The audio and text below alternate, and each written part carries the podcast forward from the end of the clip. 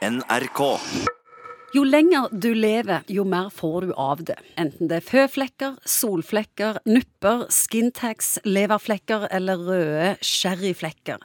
Og det kan være greit å følge med på disse forandringene i huden, Morten Munkvik. Vi ligger jo tross alt på føflekkreft-toppen. Vi gjør det. I Norge gjør vi det, dessverre. Hva kan du fortelle om disse flekkene vi får på kroppen? Ja, det er jo mange flekker man kan få på kroppen, og de fleste Dere kaller det angiom.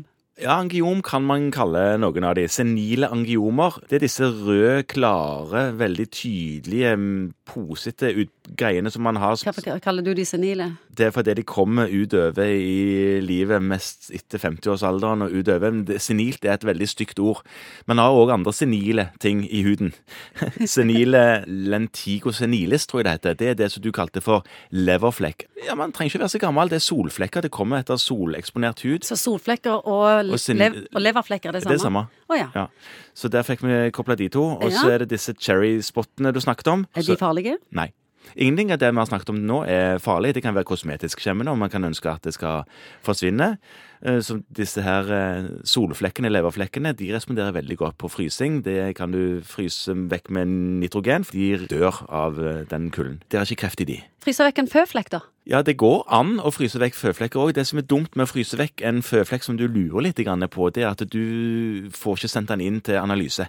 Så hvis du lurer på en føflekk, eller du og legen din er enige om at en føflekk er litt snål, han er kanskje litt stor, han er svart, han er uregelmessig i avgrensningen, han blør kanskje, han klør og sånne ting som det, da skjærer man ofte vekk på legekontoret og sender inn til analyse og får vite hva var egentlig dette for noe. Men hvis du er type 25-30 år og syns at du har en del føflekker, kan du ikke bare fjerne de og fjerne en risiko? Jo, noen ganger så er det jo sånn at eh, føflekker som man har, de vanligste er jo de som kommer som melanocytt nevus. Det er de som du hadde ingen prikk, og så plutselig er det kommet en prikk. De utvikler seg noen ganger i kreftretning, men de ondarta maligne melanomene, altså ondarta føflekkreft, de kommer ofte som en ny føflekk. Iallfall har du ikke lagt merke til den før, fordi den vokser og plutselig er blitt svartpigmentert og endrer seg litt. Så du, du fjerner egentlig ikke en risiko for disse føflekkene som blir kreftige. De kommer ofte som nye. Ah, ok. Skintags, da? De som står litt ut? Ja. Hvem er de? De er ofte på plasser hvor det er litt sånn friksjon. I nakken eller under armen og sånne ting. Hvor, Hud mot hud? hud mot hud eller hud mot stoff. Disse er veldig enkelt å bare ta. Rett og slett. Det kan du gjøre. Det som du da vil merke, er at de blør ganske godt. Kanskje best å fryse, da? Du kan fryse de i, i roten på en måte, sånn at de faller av.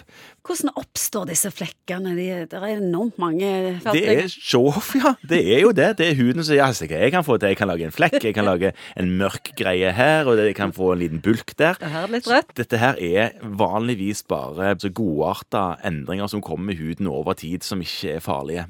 Det som er viktig, er jo at man sjekker sine føflekker og ser at de ikke endrer sin nevneverdi. Gjør de det, så kan du spare litt med legen din og høre om, om de bør fjernes. NRK.